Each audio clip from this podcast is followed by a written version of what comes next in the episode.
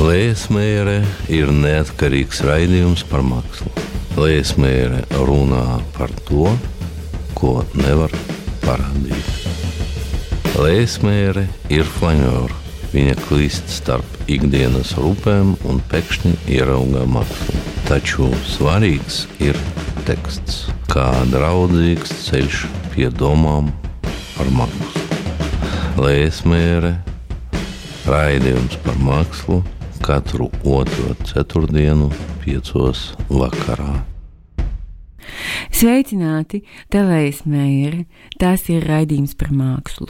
Laikmatīgu un tradicionālu, vizuālu un multimediālu, kustīgu un nekustīgu, profesionālu, neprofesionālu, visiem pieejamu un pavisam slepenu, visdažādāko. Studijā esmu es, mākslas kritiķe Ieva Meijere. Tiekamies radio Naba Vilnī 95,8 FM katru otro ceturtdienu, piecos vakarā. Klausieties arī pēc tam, jebkurā laikā Nabas, jeb Latvijas Rādio 6 mājaslapas arhīvā, kur varat nokļūt arī no Facebook lapas, ko sauc tāpat kā raidījumu Leismēra. Raidījumu producēja neatkarīga kompānija Črjomuha Consulting. Raidījums to pateicoties privāta fanu kluba materiālam un nemateriālam atbalstam. Sirsnīgi pateicos par atbalstu Iljānai Veinbergai un Oliveram Tarvidam. Paldies arī Valsts kultūra kapitāla fondam. Šoreiz raidījumā piedāvāšu ieskatu trīs sarunās un divās grāmatās. Lielākoties būs runa par mākslas vēsturi, taču, kā mēdz notikt, mūsdienu apsvērumi par vēsturiskiem notikumiem 20. gadsimta pirmajās desmitgadēs eh, dīvainā kārtā spoguļo šo to no jaunajiem 20. mūsdienās. Bet vispirms atskatīsimies uz iepriekšējā raidījuma tēmu par dažādu glezniecību, dažādo saturu. Atcerieties, runājam par visu ko, arī par aizzariņas spožo personāla izstādi Latvijas Nacionālā Mākslas muzeja kupola zālē. Izstādi sauc Mosties, mosties reiz svabatais gars. Pagājušo reizi mēģināju izstāstīt, kāpēc no satura viedokļa aizdomīgi raugos uz lieliskajām un jaudīgajām gleznām. Vēl rādījumā sarunājos ar Taķenu Krīvenkovu sakarā ar viņas apgleznotā porcelāna izstādi galerijā Istaba, un pēc raidījuma Taņa aicināja tikties vēlreiz, lai raidījuma iespējā dalītos apsvērumos par aizzariņas jaunajām gleznām. Ziniet, tā ir ar labām sarunām. Tās dzīvo galvā un savā ziņā turpinās, un gadās, ka tikai pēc kāda laika noskaidrojas, ko vēl vajadzēja piebilst. Tad, nu, lūk, Tatjana Skrivenkovas piebildi par aizzariņas gleznām. Pie kā mēs palikām? Es, es pirmkārt domāju, ka man noteikti vajadzētu pateikt par aizzariņu. Es domāju, ka viņa ir tik laba gleznotāja, ka viss, ko viņa arī nedarītu, ir tiešām uh, stāv pāri tam, varbūt tas stāv pāri tam, ko viņa pati saka par saviem darbiem. Un starp citu arī tas, ko, ko viņa tur runā, ko viņa piemin, es domāju, kaut vai tas, ka viņa piemin Ulda Bērziņu, un kāds varbūt paņems un palasīs, tas jau ir to vērts. Tas ir punkts viens. Punkts divi, ko man, ko man likās, es tur daudz sarunāju, bet tas, ko man gribējās pateikt, ka bieži vien tajās lietās, kur it kā, kuras nav māksla, viņos ir daudz vairāk mākslas, nevis tā kā tajās lietās, kuras tiek nu, mums tā stādītas priekšā, ka tā ir ļoti li liela māksla. Un, nu, bieži vien tajās mazajās lietās, ir, ir, nu, teiksim, runājot par to kaut vai porcelānu un kaut kādiem objektiem, ka, un arī tas, ko es pieminēju, ka varbūt tās lietas, kas nebija sākumā taisītas, ka viņam nebija domāts, ka tā ir tā kā māksla, bet tur ir tā, tas mākslas vairāk nekā, teiksim, ielējā mākslā.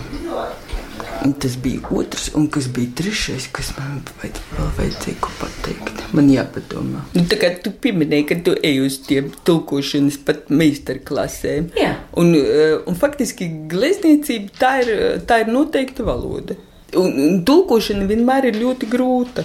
Tev kaut vai no valodas uz valodu ir grūti pārt, kas ir tā kā viena, bet tur tev jāpārtulko nu, pavisam cita kaut kāda matērija. Tev ir jāpadara viņu saprotamu pavisam kaut kādā atkal citā, citā matērijā. Piemēram, tajā Aijas Zariņas gadījumā tas, ko viņa grib pateikt, tad tas jau ir ļoti sarežģīti. Viņa atrod, un, un man liekas, viņa vienmēr atrod ļoti precīzi to, mm, to valodu, un vēl ar tiem viņas meklējumiem, jo, jo mums tā informācija, mēs, kas mums ir, mēs jau viņu nedabūjam tikai, ka mēs kaut ko izlasām. Tu ej pa ielu, tava āda, kas ir tavs lielākais orgāns. Tu uztver informāciju visādos veidos. Un tieši tāpat, kad tu strādā ar roku, tu, nu, tu strādā arī ar visu savu ķermeni, kad tu glazno. Un tāpēc, protams, arī tā informācija, ko tu tur ieliec, viņas ir daudz vairāk. Tāpēc es, es vēlreiz atkārtoju, ka man liekas, Zariņas gadījumā viņas tie darbi ir tik, mm, tik labi, ka viņi ir lielāki par to, varbūt pat to sākotnējo to ideju, ko, ko, ko viņi tur ieliek. Jo mēs dabūjam no viņiem daudz, vēl daudz vairāk informācijas. Un varbūt tevi, nu, tevi tā disonance varbūt tā kā kaitina, bet tas priekš mums ir liels iegūms. Tas bija Tatjana Krivenkovas viedoklis par aizsariņas personāla izstādi, kas Nacionālā mākslas muzeja kupola zālē skatām vēl visu janvāri. Bet citas brīnišķīgas mākslinieces darbu izstāde vēl tikai pāris nedēļu skatāma turpat muzeja lielajā pazemes zālē. Tātad Aleksandras Beļcovas darba retrospekcija būs līdz 12. janvārim, bet tās kuratoras Natālijas Jevsējevas veidotā grāmata par mākslinieci lasām vēl ilgi pēc tam. Grāmata izdotā izdevniecībā Neputns, pateicos Elgitai Bērtiņai par iespēju ar to iepazīties tuvāk. Izstādes nosaukums ir askētisks, proti mākslinieces vārds, uzvārds un dzīves gadi no 1892. līdz 1981. Aicināju uz sarunu brīnišķīgo kolēģi Natāliju Jevsējevu. Nu, ir ierasts uzskatīt eh, un, un runāt par eh, Veļsalu, kā viņa iekļāvās latviešu mākslas. Eh, un uh, vīrs, latviešu mākslinieks, viss tik brīnišķīgi. Uh, 20. 30. dekadence, bohēma, baltārs, viss tādā marša ritmā. Un cilvēks uzmanīgi apskatīja šo izstādi, tad uzmanīgi palasa grāmatu. Tā ir nozīmējusi pavisam, pavisam citāda. Un, nu, tas galvenais pārsteigums man bija par to, ka īsti jau tas viss nebija nekādas izvēles jautājums. Ka, tas, manuprāt, ir mēsturīgi parādīts abos tajos darbos, gan izstādē, gan grāmatā, īpaši grāmatā. Mm, ka tas, ka tas kā, viņa, kā viņa varēja nodarboties ar mākslu, tas viss ir kaut kādu lielām, lielākoties traģisku, visādu apstākļu noteikts kaut kāds tāds jūklis, kurā viņa vienkārši ir tā, nu, bijusi iekšā. Viņa pat īsti nav gribējusi nenonākt, ne palikt Rīgā. Tas gan, jā. Pat, par to, vai viņa ir gribējusi būt kopā ar Romanu Sutu, pat tas nav nemaz nav tik ļoti skaidrs. Vienmēr. Mm -hmm. Nu, jā. nu, mans uzdevums bija mēģināt rekonstruēt to ainu, kāda tā bija tajā laikā. Un, uh, faktiski avots, informācijas avots bija Beļcovs sarakstē ar māsu. Tajā laikā dienas grāmatas viņa vēl nerakstīja. Un tur viņi arī, jo tad, kad cilvēks arī beigšotai skaitā stāsta, raksta autobiogrāfiju jau mūža nogalē, viņš to visu redz savādāk. Protams, viņš arī nu, ir kaut kāda pašcensūras deva, un viņš arī to visu vērtē no tādas atskats punkta. Bet tad, kad viņa rakstīja Malsai, būdama visus tajos notikumos iekšā, vai, vai savus izjūtas atstāstot, vai vienkārši faktus atstāstot, tomēr vērtējot tos eh, no tā laika eh, skatu punkta, tas ir savādāk. Un tā arī lielā mērā ir, ka notikumi uh, diktēja viņai kaut kādu, varbūt ne izvēli, bet rīcību. Jā, viņa bija ierauta tajā visā, bet manuprāt, tā, tā viņas izvēles brīvība bija tajā apstākļā, ka viņa ļoti ar tādu apņēmību, ka viņi nodarbosies ar mākslu. Ka tas viņai bija ļoti svarīgi. Sākot ar pirmo to izvēli, ka viņa kļūs par mākslinieci e, tieši tajā, vēl, tajā Brānskas novadā, no kurienes viņa cēlusies, ka viņi izdomāja, ka ja jau atlicis dzīvot tik maz, tad jā, jādara tas, kas patīk, tad viņa izvēlējās būt par mākslinieci, un tad uh, viņa devās uz to penzu, Tas uh, ražīgums, tā, tā vēlme strādāt, viņai arī daļai bija uh, daļa tais slimības. Viņa arī um, dienas grāmatās rakstīja, ka lūk, viņai, uh, viņa dzīvo ar sajūtu, ka Katra diena varētu būt pēdējā, katrs gads varētu būt pēdējais. Jāpaspēj kaut kas izdarīts tāds eh, nozīmīgs, eh, pateikt savu vārdu mākslā. Un neteiksim, ka tās bija ambīcijas kaut kādas, bet tas bija iekšēji nepieciešamība. Un lūk, tajā ir tas viņas eh, izvēles brīvība. Arī tad, kad viņai bērns piedzima un viņa raksta, ka lūk, laika maz, bet es mēģinu plānot, lai tomēr būtu tā, ka es varu gleznot un turpināt un jāstrādā daudz. Tur, eh, tur ir tas, manuprāt, viņas raksturs. Mm, ja domājies, mēs redzam, mēs redzam nu, gleznas, ja, zīmējumus un gleznas un darbus ar brīnišķīgu, skaistu jaunu sievieti, blondu, čirkainu meitenīti, mm. meitiņu. Viss ir tik idiliski. Un tad mēs pašķiram grāmatu un sākam skaitīt abortus. -hmm. Divi, četri. Oh. Nu, traģiski. Tas, tas, tas aizkadrs visu laiku ir, um, ir, ir, ir ļoti, ļoti traģisks. Jā. Tā gadās. Trūkums, jā. trūkumā noteikti tas briesmīgas um, mm. izvēles. No. Nu, faktiski tā ir. Ir mākslinieki, kuri faktiski savā dzīvē likteņi lutināti, un viņiem viss ir labi, bet tā māksla tas rezultāts ir diezgan, varētu būt tāds, nu, ne depresīvs, bet, eh, nu, tādās dramatiskās, jā, dramatiskās noskaņās. Nu, teiksim, pats Pablo Picasso labs piemērs tam. Uh, bet ir tādi, kuriem dzīve ir ļoti piesatināti ar tādiem dramatiskiem notikumiem, vai ar veselības problēmām, vai kā jau Beļģijas gadījumā, arī ar, ar vīru tādas tiešām domstarpības. Bet eh, tas rezultāts, tā māksla. Ir ļoti pozitīva, ar tādu pozitīvu lādiņu. Un, harmoniska. Tieši tā. Jā, un nu, tur faktiski man nav atbildžu. Tas ir arī rakstura jautājums. Un arī, kad palasa tos vēstuļu fragmentus māsai, izrādās, ka viņas slavenais vīrs nebūtu no viņa atbalstījis. Gluži otrādi nu, kritizējis, kritizējis apspiedis. Jā. Kā reiz teicis, ka, ka tas nekas nav, nekas viņai nesanāk. Mm. Man likās arī interesanti, ka savā vēstulē viņam viņa piemin faktu, kā arī Romanam liekas, ka viņu apspiež Beļco. Arī viņa pati bija no tiem māksliniekiem, kas šaubās par sevi. Un, protams, ja blakus ir ir cilvēks, kas tevi kritizē visu laiku. Tas ir papildus sloks. Bet uh, paradoks ir visā tajā tāds, ka faktiski viņas labākie darbi tāpat tajā laikā, kad viņi bija kopā ar romānu. Kā tu um, pastāstītu, kas tad ir tas labums? Saki, ka labākie darbi. Ah. Kas ir tas īpašais? Um,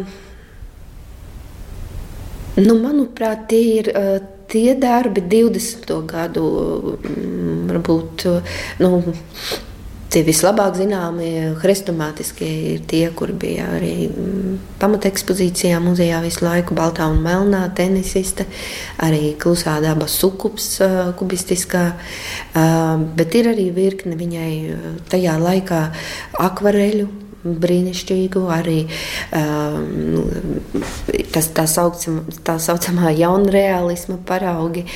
Uh, faktiski tajos, uh, tajā labākajā veikumā, arī Dienvidfrancijas uh, ainavas, uh, viņai izdevās notvert laiku un parādīt ne tikai savu redzējumu, bet viņa iekļāvās tajā kopējā Eiropas mākslas ainā ar visiem šiem darbiem.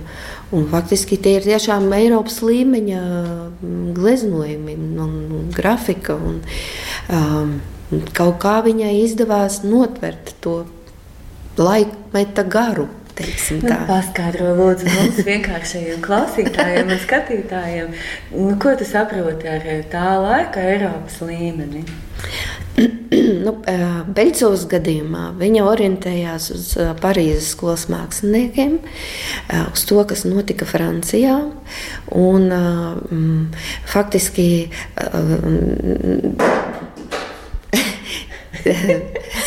poltergeisti dīvainā veidā. Nu, Beļcovas gadījumā tā situācija bija unikāla. Viņa 20. Eh, gadu otrajā pusē, tieši tajā laika periodā, bieži apmeklēja Franciju un eh, vairāk eh, laika atradās, uzturējās tieši Rivierā, Franču Rivierā. Un Parīzes skolas mākslinieki, tie redzamākie, viņi taisni arī lielāko laiku pavadīja Rivierā, nevis Parīzē. Un viņa staigāja tos pašus ceļus. Viņa zīmēja, gleznoja tās pašas vietas, ko arī citi redz. Nu, piemēram, tas pats Anri Matīs vai Rauls Defī vai Piers Bonārs. Tad, tad viņi turpat. Viņa varbūt, jā, viņa nebija pazīstama ne ar vienu. Netikās. Netikās. Bet viņa zināja par tiem, tas, tas ir noteikti zināms, ir fakts. Uh, uh, Viņa arī varēja redzēt darbu oriģinālus kaut kādās galerijās, vietējās un izstādēs. Tas arī ir fakts. Uh, un uh, viņa arī savā sarakstā piemin dažus vārdus, uh, kuri viņai likās būtiski. Un tie ir faktiski tādi orientieri, Nu, manuprāt, eh, ja mēs vērtējam vispār 20. gadsimtu kopumā, tad tās zvaigznes lielākās var eksistēt un izcelties tikai pateicoties tam kontekstam, tiem pārējiem māksliniekiem, kas veido to mm, apkārtējo fonu. Un, eh, ja nu, mēs vērtējam Beļģijas mākslu tajā laikā, tad faktiski viņa noliekama līdzās. Tiešām viņi veido tāpat kā citi franči to fonu tiem izciliem eh, modernistiem. Franču modernistiem. Nu, un, eh, ja runājam par uh, konkrēti par viņu, da, viņas darbu, uh, izteiksmībām un, un uh, tādām vērtībām, mākslinieckām, tad uh, grafikā tā ir uh, kaligrāfiskā smalkā līnija Ar to viņa bija aizrāvusies Cuguharu Fužitas ietekmētās mākslinieks, par kuru ir arī atsevišķa mm. uh, epizode pastāstīts arī izstādē. Tolēk viņš bija ļoti slavens. Tagad Par viņu zina tikai speciālisti. Ja runājam par glezniecību, tad delikāts kolorīts, ļoti smalks, tādos pietuvinātos toņos. Arī dienvidu Francijas ainavas, faktiski dienvidu ainava, kā jau mēs to redzam lielākoties citu mākslinieku darbos, tie ir spoži kontrasti, spoža saule Gaiši zilas, spilgtas debesis, jūra, beļcovai nekā tāda jā, nav. Tas drusku krītains. Tieši tā. Kolorīts, tieši tā. Un tas nav izskaidrojams ar to, ka viņi tur atradās ziemas mēnešos. Nav dēļ tā, jo faktiski arī ziemā tur ir daudz saulainu dienu un mužzaļie koki. Viņai tomēr viss tāds pieklusis izsināts. Un um, tajās Dienvidfrancijas ainavās, pat arī tā laika gleznotajos portretos dominē tāda gaiša zila, sudrabotu uh, olivu koku uh, krāsa, tāds tonis, sudrabotas zaļš. Tā ir raksturīgi viņai. Jā, jā. Un, uh, piemēram, Renoārs savulaik bija teicis, ka olivu koku gleznošana tas ir vissarežģītākais, kas vien varētu būt. Tam olivu kokam tiešām tam lapiņām ir krāsa vien atšķirīga tai vienai virsmai, kas ir virs, nu, un tai otrajai pusītei tāda blāvāka un spīdīga. Tā, nu, tie toņi atšķirīgi. Un, ja vēl tas viss virmo vējā, piemēram, tas tiešām to, to koku uzglezno diezgan sarežģīti. Bet Beļcovai tas brīnišķīgā veidā izdevās. Viņa arī to zaļgano dūmaku visu arī pakārto tā zaļganā dūmaka. Viņa arī nosaka visu šo ainavo kolorītu. Un tieši dēļ kolorīta, manuprāt, tie darbi izceļas ar savu māksliniecisko vērtību. Un, uh, tas arī atspoguļo viņas pasaules uztveri, uh, dabas uztveri, tādu lirisku uh, traktējumu, kas daļai varbūt izritēja no viņas veselības un veselas stāvokļa. Nu, Jo nāve faktiski bija viņas ikdiena. To es arī mēģināju izstādē parādīt. Vai nu viņa ir fotografijā blakus zārkam stāv, vai nu, piemēram, viņa zīmē kapus, vai viņai tur viņa saglabājusi eh, perlešēs eh, kāpu plānu ar eh, atzīmētu maršrutu, ko viņa bija staigājusi. Faktiski, jā, viņai tas ir nu, daļa ikdienas. Izstādē tie, tieši šo, par ko runā, par to nāves domu, mm. tādu apzināšanās klātbūtni. Man vairāk iedeva muzikālais fons brīnišķīgais. Jā. Manuprāt, ir izcila veiksme. No, no, Tas no bija pašā sākumā iecerēts. Jā, man, man likās, ka uh, visu šo darbu skatīšanu klusumā Nav iespējams, to nevar tādu. Vajadzēja kaut kādu mūziku. Jo pirmkārt, arī Beļcovai kopš pašas jaunības mūzika bija liela daļa viņas tiešām tādas dzīves. Tajā melodijā iestrādātas trīs tēmas. Viena no tām ir krievu romance, saikne ar Krieviju, ar dzimteni, tad franču sansons, mīlestība pret Franciju un klasika. Un pat uh, bija zināmi tieši uh, mūzikas gabali, kas te skanēja biežāk. Un tāpēc es arī mūsu mūziķim, iesaistītajam Kārlim Mauzānam, pateicu, kas tieši skanēja. Un, lūk, tad viņš izveidoja šo oriģinālu kompozīciju. Un pat viņš izveidojas pat labāk nekā es varu iedomāties, kā tas var skanēt, jo tas tiešām netraucē. Kā fons, pavada un nav uzbazīgi, bet reizē veido atmosfēru. Kad viņi ceļoja uz to Eiropu, vai pa Eiropu, mm -hmm. viņš brauc ar vilcieniem. Jā, mm -hmm. laimīgiem. nu, jā. Bieži vien, kad eh, domāju par kādiem vēsturiskiem personāžiem, nu, mākslas vēsturē, mm -hmm. domāju par tādu viņu tīri materiālu, fizisku eksistenci, kas, manuprāt, ir ļoti interesanti. Piemēram, piemēram tā epizode, kad eh, Peļcova skicē tās holokausta epizodes Rumbulā, mhm. kā viņi tur nonāca. Nu, viņa māsas nošaušanas ainas, protams, ka redzēt nevarēja, tas ir skaidrs. Bet pilsētā cilvēki runāja par to, kas notika. Man bija tas nostāsts. Jā, jā. Un, un viņi viens otram pilnīgi detalizēti stāstīja, jo tur ir tie, tās skices, tādas nu, fragmentāras, tādas ainiņas, kur ir dažādas norises un ļoti nu, tādas nu, konkrētas. Nu, ir vēl. Baidos kļūdīties, bet nu, Beļcova 43. gadā nonāca Kurzemes katlā. Un, uh, iespējams, ka tur viņa varēja kontaktēties ar dažiem cilvēkiem, uh, kas izdzīvoja vai kam bija paziņas uh, Liepājas geto. Uh, kur arī notika nošaušanas ainas. Eh, tur ir, ir zināms, ka tur arī fotografēja viens fotogrāfs to, kas ir noticis. Eh, nu, tur vēl jāpēta, kā viņi varēja tur tik detalizēti to visu precīzi. Un pašlaik muzejā ir neliela brīnišķīga izstāde veltīta vienai no Beļcovas draudzenēm. Jā, Lūcija Zamaiča. Jā, jā Lūcijai Zamaičai kur es sapratu, viņas bija tuvas draudzenes. Jā, tā, viņas bija pazīstamas vēl kopš 20. gadiem, bet tā draudzība iesakās 30. gados, 30. gadu sākumā faktiski. Un darbi, ko šeit var redzēt, portreti, tie arī tapa tajā laikā, 30. gados. Nu jā, viņai bija sava ietekme uz, uz Beļcos ieskatiem politiskiem, piemēram, es domāju, lielā mērā tieši Lūcijas ietekmē Beļco to laiku interesējās par politiku. Bet tajos 30. viņu aizliedza kreisuma dēļ vai fe, feminisma dēļ? Dēļ kreisuma vairāk. Mm. Bet arī uh, viņas uh, redzējums uh, par, sievietes lomu sabiedrībā arī to laiku likās, nu, izraisa tādu āsu reakciju, diskusijas pat notika publiskas. Nu, vispār viņas dairada, pat daži dzējuļi tika saukti par pornogrāfiskajiem. Nu, tur nekā tāda nav, manuprāt. Tas bija ieskats sarunā ar Natāliju Jevsējevu. Romanas Sutes un Aleksandras Beļcovas muzeja vadītāju. Aleksandras Beļcovas darbu izstādes kuratori un māksliniecei veltītās grāmatas autori.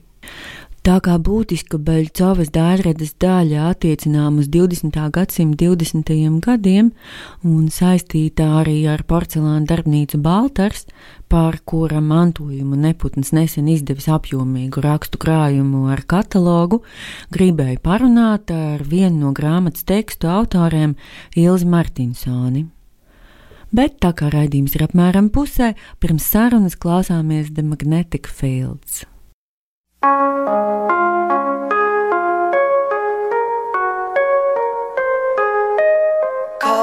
caution, caution to prevent electric shock. Do not, do not, do not remove cover. No user serviceable parts inside. Refer servicing to qualified service personnel. Let this be the epitaph for my heart. Cupid put too much poison in the dark. This is the epitaph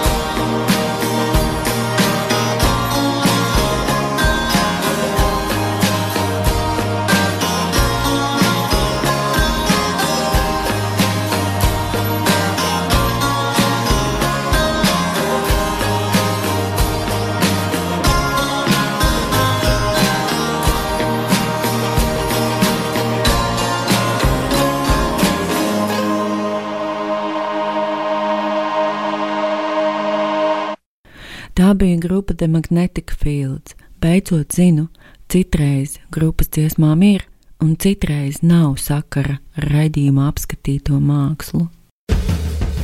Ievēlējies mērē, uzskata, ka teksts par mākslu arī ir māksla, un sarunā par redzamo ir pats interesantākais vispār dzīve. Izņemot seksu un naudu, protams. Lēsmēra raidījums par mākslu katru otro ceturtdienu, piecos vakarā. Lūk, saruna ar Ilzi Martinsoni par Baltaru, par Ardeko un par konsekvencēm mākslas vēsturē. Tad, tad kad iznāca grāmata par Baltaru, tu mm, iekomentēji kādā no sociālajiem tīkliem par to, ka ārdekā beidzot tiek rehabilitēts vai kaut kā tā. Man pēkšņi ļoti interesēja, kas tad ir viņu apspiedis. Nē, nu jā, šodien droši vien liekas diezgan jocīgi, ka vajadzētu rehabilitēt ar deko, jo tas ir jau kļuvis par tādu nu, normālu sadzīves vārdu. Bet 20 gadus atpakaļ, precīzi 20 gadus, tad, kad es dekoratīvās mākslas un dizaina muzejā taisīju ārā deko izstādi, ir ļoti dīvaini iedomāties, ka 20 gadus atpakaļ pat speciālisti to vārdu terminu ārā deko pat vienu daļu nebija dzirdējuši. Un nebija tik vienkārši vākt uh, eksponātus šai izstādē, arī steigājot ar muzejiem, muzeja krā, krātuvēm un kolekcijām. Un, un nevarēja tā vienkārši paprasīt krājumu glabātājiem, vai jums ir kaut kas no ārā deko, vajadzētu dziļumu plaši izskaidrot, kā, kā tas izpaužās un kas tas varētu būt. Un ļoti nedaudz krājuma glabātāji paši saprata, ko, ko man no viņiem vajag. Jā. Toreizējā izstāde bija tāds sākums tam, ka vispār Latvijā sāk iepazīt ārtu deko stilu kas savā būtībā stils ir, ir kā lai saka, nu, populāra lieta. Ja? Tāpat kā jūgenstils, kuram ir augstais gals un arī zemais gals kičs. Un, protams, ka kaut ko no, no latviešu mākslas nodēvēt par art deko, nu, tas bija diezgan liela, varbūt tās uzdrīkstēšanās tajā laikā, jo tas nozīm, nozīmēja arī kaut kur, nu, padarīt šo, šo it kā līdz šim elitārās mākslas parādības arī piederīgas varbūt trusku masu kultūrai. Baltara šķīvju sakarā par ārdeko ir atkal svarīgi parunāt? Nu, patiesībā es domāju, ka jā. Tāpēc, ka tieši šīs minētās jaunās grāmatas saistībā, kad es tiku uzaicināta rakstīt vienu nodaļu par, par, par Baltāras porcelāna ārdeko sakarā, mm, no es biju līdz šim pieminējusi Baltāras daļu no Baltāras produkcijas kā piederīgas ārdeko stilam, bet es padziļināti, tā, tā kā es skatījos ārdeko stilu pilnīgi visās izpausmēs no kurpēm līdz, līdz, līdz, līdz smaržu pudelītēm un, un līdz atkal augstajai mākslai, es nekad tā nebiju tieši Baltāras pētījusi. Un man bija ļoti interesanti, ka tajā gadā, kad Baltārs radās, par to tiek uzskatīts 25. gads, kādi ir Baltārs darbi paši, paši pirmie agrīnie. Un viņi ļoti radikāli šie darbi atšķirās no tiem, kuri ir tapuši 25. gada beigās, kad Baltārs mākslinieki ir jau viesojušies Parīzes lielajā 25. gada modernās mākslas un rūpniecības izstādē un uzsūkuši šos jaunos impulsus. Un ļoti skaidri var redzēt, ka tie darbi ir pilnībā atšķirīgi, un šis jaunais stils ir pārņēmis arī Baltārs grupas māksliniekus. Nu, ļoti spožs un skaists darbs, piemēram, ir Aleksandrs Beļcovs šķīvis maskas, kas rotā ļoti daudz daudzus, es nezinu, pastkartes un, un grāmatu vākus. Un, man liekas, tur ļoti skaidri nolasās ar deko stilistika. Kā tu kā ārdeko nu, speciāliste un mīļotāja eh, mums vienkāršajiem eh, klausītājiem un skatītājiem eh, pastāstītu, ar ko ārdeko atšķiras no, no jūgenstila izpausmēm, stilistiskām, no no modernisma, tādiem av avangarda virzieniem. Laiks viens un tas pats, plus mīnus. Nu, laiks nav gluži viens un tas pats. Chronoloģiski ar deko seko jūgens stilam. Tas ir nākošais lielais laikmets stils, un, un dažs, viena daļa speciālistu uzskata, ka Art deco ir pēdējais lielais laikmets stils, kas spēja ietekmēt sabiedrību visās jomās. Nu, kad stils pārņem mūziku, modi, arhitektūru un pat 60. gadi vai, vai, vai citas desmit gadus, kas ir nākušas ar savu modi, tik lielā mērā nav spējušas ietekmēt pasauli, bet uh, ar ko ārdeko atšķirās, būtībā nu, uh, viena īpatnība ir tā, ka parasti laikmeta stili nāk noliedzot iepriekšējo. Pēc manas pārliecības ārdeko nenoliedz jūgens stilu, jo daudz kas no tā, ko lieto ārdeko, jau bija vērojams jūgens stilu ietvaros, teiksim, Glasgovas skola, kas tiek uzskatīta par vienu no jūgens stilu centriem, jau lietoja šo robusto ģeometriju geometrizāciju, ja, bet mm, nu, ar deko atšķirās ar, ar savu formu. Ja mēs uzskatām jūgenstilu, mēs iedomājamies, ka jūgenstilu savu laiku sauc par saniknoto slieku, ja, ja bioloģisko romantiku, šīs plūdenās, maigās, svīgās līnijas, tad ar deko nāk ar ārkārtīgi geometrisku, asu, modernistisku formu ar ko ārdeko atšķirās no modernisma. Manuprāt, ar to, ka ārdeko vienkārši patapina modernisma e, paņēmienus modernisti bija tie, kuri nāca ar revolūciju, kurš šos jaunos paņēmienus strauji lineāru perspektīvu vai ārkārtīgi asos krāsu kont kontrasts, ko lietoja fovisms, vai nekas nebija raksturīgs jugendstilam, kur bija pastelīgie toņi, vēsie, violetie, gaiši dzeltenie, gaiši zaļie, tad ārdeko nāk ar ļoti spilgtu krāsu, bet visu to jau fovisti ir izgudrojuši. Un ārdeko vienkārši patapina šos, šos modernistu ieguvumus art deko nekādā ziņā nav formas. kubistu formas, jā, viņi nav uh, revolucionāri. Patiesībā es arī tagad varu oponēt tam, ka art deko glezniecība eksistē, tikai šī glezniecība neko nav devusi glezniecības attīstībai kā tādai. Art deko glezniecība ir salonu glezniecība, kur gleznotājs jau glezno zinot, kādam interjeram viņš to glezno. Jā. Mēs iedomājamies. Ļoti demokrātiski. ļoti demokrātiska, saloniska, zināmā mērā mietpilsoniska. Ja tu pieminēji, kā Beļcova pa Francijas dienvidiem tur, tur vāc naudu saviem šķīviem, tad, tad Francijas kazino ir atrodami mm, vitrāžās viens pret vienu motīvi, kas atbilst uh, Baltas šķīviem. Kas vēl tam ārdekā ir ā, raksturīgs, viņš um, nu, tad ir de demokrātiskāks stils par, par, par iepriekšējiem, iespējams arī par sekojošiem. E, Un nu, tāds em, māksla tā kā e- emancipējošs kaut kādā ziņā. emancipējošs visādā ziņā, tematiski emancipējošs, jo sievietes neatkarība absolūti tajā laikā ir topā. Tā nav tēma, kas būtu pilnīgi jauna. Sieviešu emancipācijas kustība jau sākās 19. gadsimta beigās, bet tad sekoja Pirmā pasaules kara pārāvumi kas šo tēmu vēl vairāk pastiprināja. Vīrieši bija izkauti karā, un sievietēm bija jāieņem vīriešu loma un vieta. Bieži vien jādara tas, ko līdz tam ir darījuši vīrieši. Ja? un To varbūt. Es nezinu, vai gari nav ko atraisīties, jo to ir ļoti stāstījis interesanti Aleksandrs Vasiljevs, modes vēsturnieks, bet sieviete ar cigareti, kāda līdz tam nebija bijusi, kļūst par vienu no ārdeko simboliem 20. gadu. Mēs varam iedomāties sievieti un cigareti kā emancipācijas simbolu, bet tur ir daudz dziļākas sociālas saknes. Tas saistīts ar to, ka sievietes ieguva vēlēšana tiesības un visa fem feminismu kustība ir attīstījusies un, un, un virzījusies uz priekšu.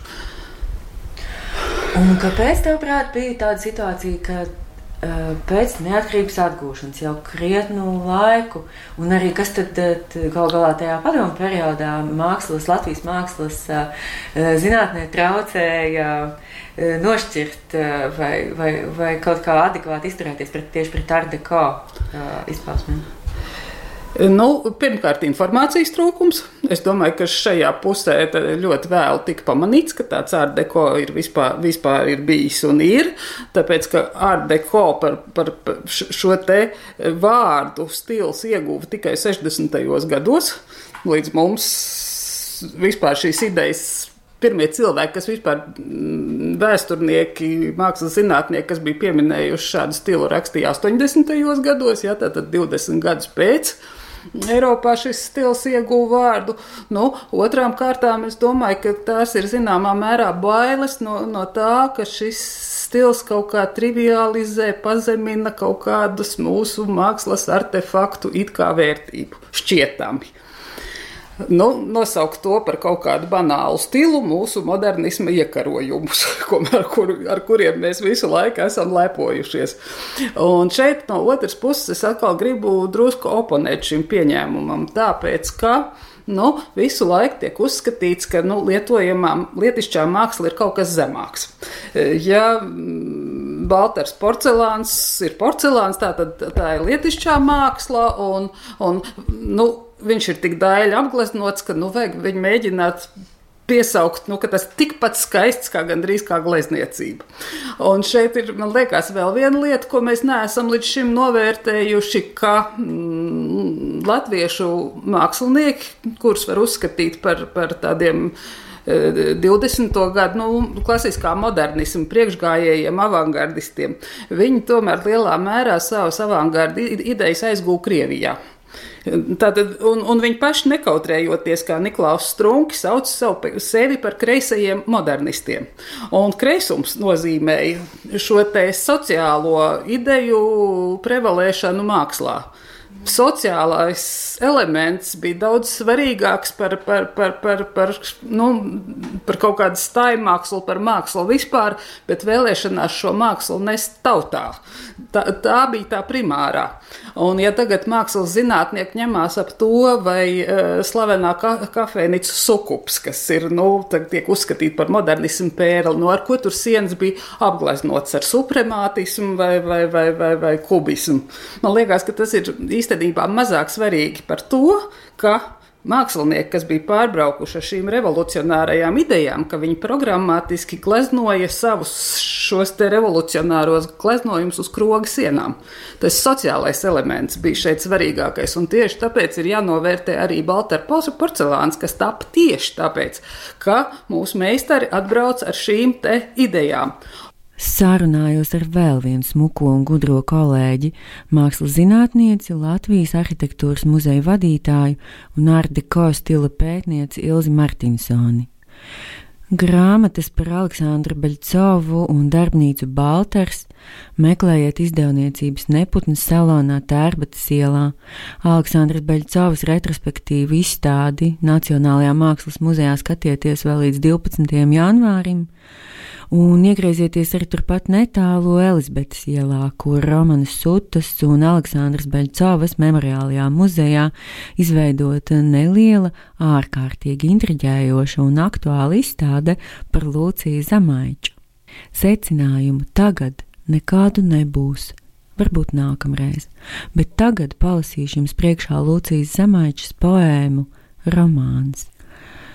Saule līst pār kokiem, sārmas baltiem, saule līst pār plato taisno trotuāru.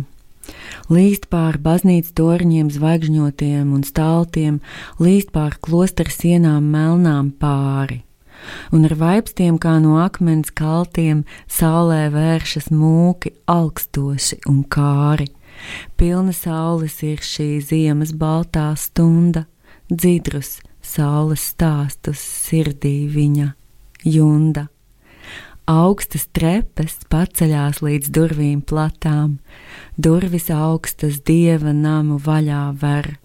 Skaistums svēts te atklājas ik skatam, lūpas augstošas te burvja kausu dzer.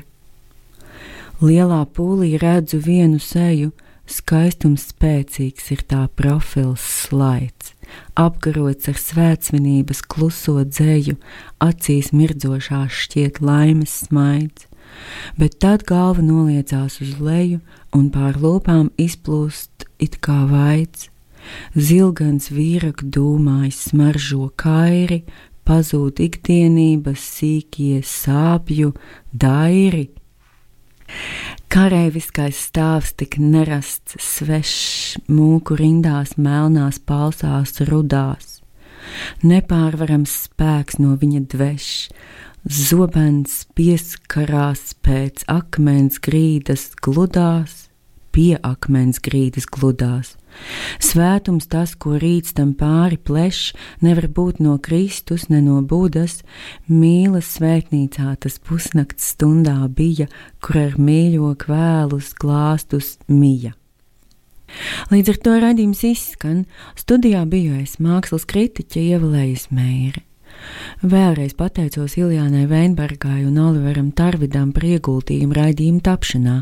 Raidījumu producēja Sijāča Rjomuha Consulting, tehnisko atbalstu laipni piedāvā Radio Naba, atbalsta arī valsts kultūra kapitāla fonds. Nosaukums Ivars Runkovskis, Džinglu balss Semjons Haņins, Bungas Aleksandrs Barons. Aicinu pasakot līdz viņu daļradē, gan retrospektīvi, gan nākotnē. Un, ja tāpat kā es vēlties redzēt piepildāmies raidījuma attīstības ieceres, aicinu pievienoties atbalstītājiem, konti atrodami Facebook lapā un privātā sarakstē. Šeit, Rādio Naba Viļņos, tiekamies pēc divām nedēļām, 16. janvārī, 2017.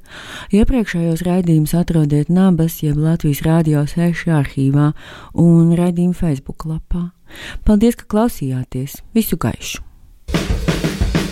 Lēsmēre ir neatkarīgs raidījums par mākslu. Lēsmēre runā par to, ko nevar parādīt. Lēsmēre ir flanēra.